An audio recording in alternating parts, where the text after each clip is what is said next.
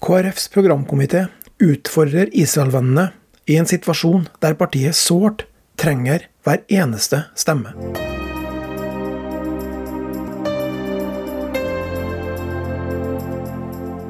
Da programkomiteen onsdag la frem sine forslag, var det uten punktet om at KrF vil arbeide for å flytte Norges ambassade i Israel til Jerusalem.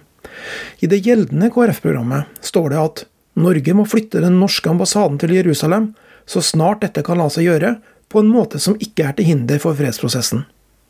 Denne formuleringen går programkomiteen nå inn for å stryke. Hvis de får det som de vil, skal KrF altså ikke lenger kjempe mot den dypt urettferdige behandlingen Israel utsettes for i det internasjonale samfunnet.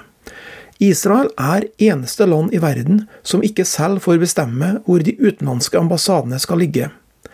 Og denne ydmykelsen av Midtøstens eneste demokrati bør altså fortsette, ifølge programkomiteen i KrF. Israel-vennskap og Midtøsten-politikk er viktig for mange på KrF-grasrota. For oss er det helt uforståelig at partiet ønsker å utfordre kjernevelgere på den måten de nå gjør. Dette minner om politisk selvskading i en situasjon der KrF sårt trenger hver eneste stemme i kampen for å redde partiet fra undergangen.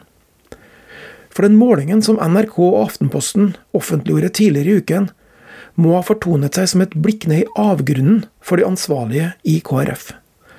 Partiet har aldri på noen gallup blitt målt så lavt som de skarve 2,2 prosentene som ble resultatet her. Og for første gang har vi sett en måling der KrF ikke får en eneste representant på Stortinget. Heller ikke mandatet fra Rogaland, som pleier å være sikkert, selv på de gallupene der KrF er under sperregrensen, var inne denne gangen. Det smått ironiske er at ambassadeflytting faktisk har blitt et mye mer aktuelt spørsmål nå enn forrige gang KrF vedtok nytt program. For siden da har vår fremste allierte, USA, og flere andre land flyttet sine ambassader fra Tel Aviv til Israels hovedstad Jerusalem. En ambassadeflytting nå ville ikke ha vært en enslig markering fra en liten nasjon.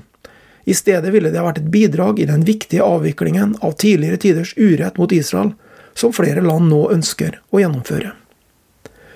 De siste månedene har tre arabiske stater inngått fredsavtaler med Israel. Og Israels statsminister Benjamin Netanyahu har for første gang møtt Saudi-Arabias sterke mann Mohammed bin Salman til samtaler. USAs ambassadeflytting var ikke et hinder for fredsprosessen med araberlandene, i hvert fall. Det ville det helt sikkert ikke vært hvis Norge hadde gjort det samme heller. Trøsten for KrFs Israel-venner er at det tross alt ikke er programkomiteen som har det siste ordet når det gjelder hvordan KrF-politikken skal se ut. Det er det landsmøtet som til slutt avgjør. Også forrige programkomité prøvde å fjerne programpunktet om ambassadeflytting, men landsmøtet stemte altså for å få det på plass igjen. Vi ser ikke bort fra at det samme kan skje på nytt når KrF avholder landsmøtet i våren. Israel-vennskap er tydeligvis viktigere for KrF-grasrota enn for partietablissementet.